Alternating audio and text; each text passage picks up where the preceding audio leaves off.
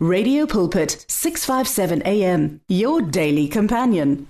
Lochani balalele emakhaya nginlochisa ke ngisuka emhathweni iRadio Pulpit ePretoria umngani wenu wamalanga wonke nilochiswa ngumfundisi uMahlangu ngilapha eSun City AA kwaMhlanga ebandleni leFair Havens Revival Church ngisehlelweni manje ikonzo ngibawa abalaleli sihlanganyele thina sonke sihlephule msinyana izwi lenkosi sihloyo ngikhuluma ngaso ngithi ukugqashula noma ukuphula amaketane welizwe nokuphila ngokwenyama.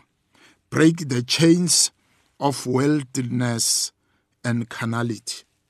Izwi lenkosi esilifundako silithola encwadini yethu yamaroma 8 uverse 6 ofundeka ngalendlela ukubeka umkhumbulo kokwenyama kukukufa kodwana ukubeka umkhumbulo kokukamoya kukuphila kanye nokuthula. Babegameni elinamandla lenkosi ethu Jesu Kristu nalizwi lakho baba sesilifundile. Baba lithadluleke ulikhulumise ngendlela ethandwa nguwe empilweni zethu baba abalaleli. Nabazalwane emakhaya balalele. Khuluma ke baba ngezwi lakho. Kunciphe mina kukhule wena. Gameni elinamandla lenkosi ethu Jesu Kristu. Amen and amen. Izwi esilifundako silithola kuma Roma 8 verse 6 lithi bazalwane ukubeka umkhumbulo entweni enye nenye yenyama engasiyo kazimu kukukufa. Ngamanye amagama nangabe noma nanoma ngabe yini oyenzako engasiyo kamoya yazi ukuthi ukugqina kwayo kukufa. Zinengi izinto abazalwane nabalaleli emakhaya abazenzako okuzizinto zenyama ezingamthokozisi uzimo izinto eziyobanga ukuthi kube khona ukulila nokukhala nokugedla kwamazinyo. Zile nkosi lithi ukubeka umkhumbulo kokwenyama kukukufa kodwana ukubeka umkhumbulo kokukamoya kukuphila nokuthula. Khethani ukuthula bazalwane nikhethe nokuphila. Susani imiqabango yenu susani imkhumbulo yenu endweni zenyama kodwana nikhathalele khulu izinto zikamoya oqwengileko nithole ukuphila nithole nokuthula. Imndeni eminingi ephasini esiphila kilo abanakho ukuthula. Abantu abaningi esiphila nabo eSouth Africa abanako ukuthula. Ngitsho nasebandleni lika Kristu emzimbeni kaKristu khona ikinga yenyama. Khona ikinga yokuthanda inyama. Umuntu othanda inyama mumuntu oqabanga ngokufa. Licho njalo izwi lenkosi ukuthi una uthanda inyama uthanda ukufa. Kodwa na uthanda izinto zikamoya uthanda ukuphila nokuthula. Izinto zenyama bazalwane zibanga ukuhlukana kanye nobuhlungu emphakathini emabandleni ngombana abazalwana abakholwa ngokweqiniso. Bazenzela zabo izinto bese kube khona ukubanga kube khona nokuhlangahlangana emzimbeni kaKristu oyibandla. Izwi lenkosi engilifunda manje ngilifunda lapha kwabekorinte bokuthoma isahluko 3 uverse 3 ngombana nisesebabantu benyama ngitsho ngombana nakhu kusesekhona umona nokucabana phakathi kwenu. Anisibo benyama nani njalo na? Anikaziphathi njengabantu abangaba abanga kakhethi abangakakhetheki. Anizi anikaziphathi njengabantu abangakakhetheki. Ngamanye amagama abazalwane asingaziphathi njengabantu abangakakhetheki. Thina uzimo usikhethile uzimo usibizile uzimo ukukhethile ukuthi ube mntwana wakhe uzimo ukukhethile ukuthi ube sebukhoneni bakhe. Kubangwa yini ke ukuthanda iphasi? Uphakathi endlini kazimu. Kubangwa yini ukuthi uphile impilo yomona? Kubangwa yini ukuthi uphile impilo yokuhlangahlangana kodwana usendlini kasokulunga na? Ngombana nisesebabantu benyama? Utsho njalo uPawulu uthi sisesebabantu benyama. Uthi ukutsho ngombana nakho kusesekhona umona nokucabana phakathi kwethu. Umona mkhulu endlini kasokulunga umona mkhulu emakhaya wethu umona mkhulu ezindaweni lapho sisebenzela khona mona phakathi kwabantwana bokukholwa. Ukucabana khona into yamalanga wonke umbuzo uthi anisibo benyama nani njalo na? Ngombana kufanele siziphathe kuhle thina abazalwane esibantwana bakazimu. Namhlanje kufuneka siwaphule amaketanga enza ukuthi uthande iphasi enza ukuthi uthande inyama.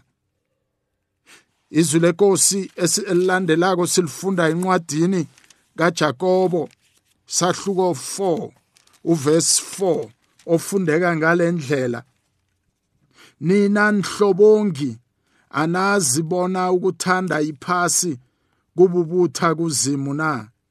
Ngalokho okhanuka bona abemngani wephasi uzenza isitha sakazimu. Bazalwane nalizwi esilithola encwadini kaJakobe kulizwi elithusako elingithusako nami ukuthi bazalwane njengoba sizinhlobongi ngifuna ukulifunda msinya ngelimi lesiyeni ngoba lizwakala kangcono. You adulterers and adulteresses. Do you not know that the friendship with the world is enmity with God? Whoever therefore will be a friend of the world is the enemy of God. Bazalwana ngikholwa ukuthi phakathi kwethu nani balaleli? Ukhona ufuna ukuzenza isitha sakazimu. Kungcono ukucabana nomunye umuntu. Kungcono ukuba isitha nomuntu ngombani uzimu uzakulamula. Kodwana na uyisitha nozimu ngubani ozokulamula? Bazalwana siphuleni amaketanga sibophileko enza ukuthi sithande into zephasi enza ukuthi sithande ukuphila sisenyameni. Izwi lenkosi lithi anazi yini nihlobongi nina nihlobongi anazibona ukuthanda iphasi? Kububutha kuzimu na? Ngalokho khani ukabona abemngani wephasi uzenza isitha sakazimu. Ngamanye amagama kufuneka sitshelana amaqiniso bazalwane nani balaleli ukuthi whatever you are doing manje njengoba sikhuluma oyenzako owaziko nawe ukuthi akusiyo kazimu nanoma ungaba negama lokuthi usindisiwe noma ungaba negama lokuthi unesikhundla ebandleni kodwana nakho ekufanele ukwazi usisitha sikasomnini usisitha sakazimu. Angiboni ukuthi ukhona ofuna ukubizwa ngaleyo ndlela phakathi kwethu ukuthi usisitha sikazimu. Bazalwane ukuthanda iphasi nokuthanda inyama kubonakala khulu ebantwini abangqondo mbili noma kubazalwane abangqondo mbili. Zimu usiphile bazalwane umoya ocwengileko ukuthi sikhambe ngaye ahlale phakathi kwethu hlale phezu kwethu. Moya ingcwele asuse ukuhlulwa kwethu inyama moya ingcwele asiqinise ekuhambeni kwethu endleleni yokukholwa. Ngombana bazalwane nasingekhe siqiniswe mamandla kamoya oqwengileko ngekhe sikhone ukuphula amaketanga wokuthanda iphasi namaketane wokuphila ngokwenyama. Ukuphila ngokwenyama kuyikinga ngitsho nasemithadweni yethu. Lapho abachadileko baphuma ekhaya bayokwenza kwenyama ngaphandle. Kubalulekile ke namhlanje ukuthi lona lo ngizwako nolaleleko singavumi bazalwane ukuthanda iphasi izwi lenkosi nasifunda lapha encwadini yamaRoma 12 uvesi 2 sehla nayo. Ithi nina nisibo baleli phasi ningenzi njengoba lephasi lenza. Bazalwana sisibo balephasi ngakho akafanele senze izinto ezenziwa yiphaseli. Asisiba abantu abahlehla nyovana babuyele ekubhujisweni kodwana thina singabokukholwa siphila ngokukholwa. Namhlanje sizowaphula amaketane wokuthanda iphasi lawa sibophileyo abantu bakazimu babotshiwe imimoya yokuthanda iphasi. Abantwana bakazimu babotshiwe moya wokuthanda iphasi nezinto zalo. Abantwana bakazimu babotshiwe ukubuswa inyama nina nhlobongi anazi yini ukuthi ubungani nephasi benza ubutha nozimu na? Swaphule lawo maketanga ngoba omunye akasathanda ukukwenza lokhu akwenzayo kokuthanda into zephasi. Akasakuthandi ukubuswa inyama kodwana ngoba yikho into angayenza kodwana ngoba yikho into e, enamandla engamhelebha ukuthi aphume kulesi simo uyaqhubeka uyaphambili kodwana namhlanje omunye uzongibuza ukuthi mfundisi ngibona njani ukuthi mina ngine ngithanda inyama na? Noma ngithanda ilizwe na? Mzalwane othanda ukubukwa babantu. Umzalwane othanda ukubabazwa babantu. Ungumzalwane loyo othanda iphasi.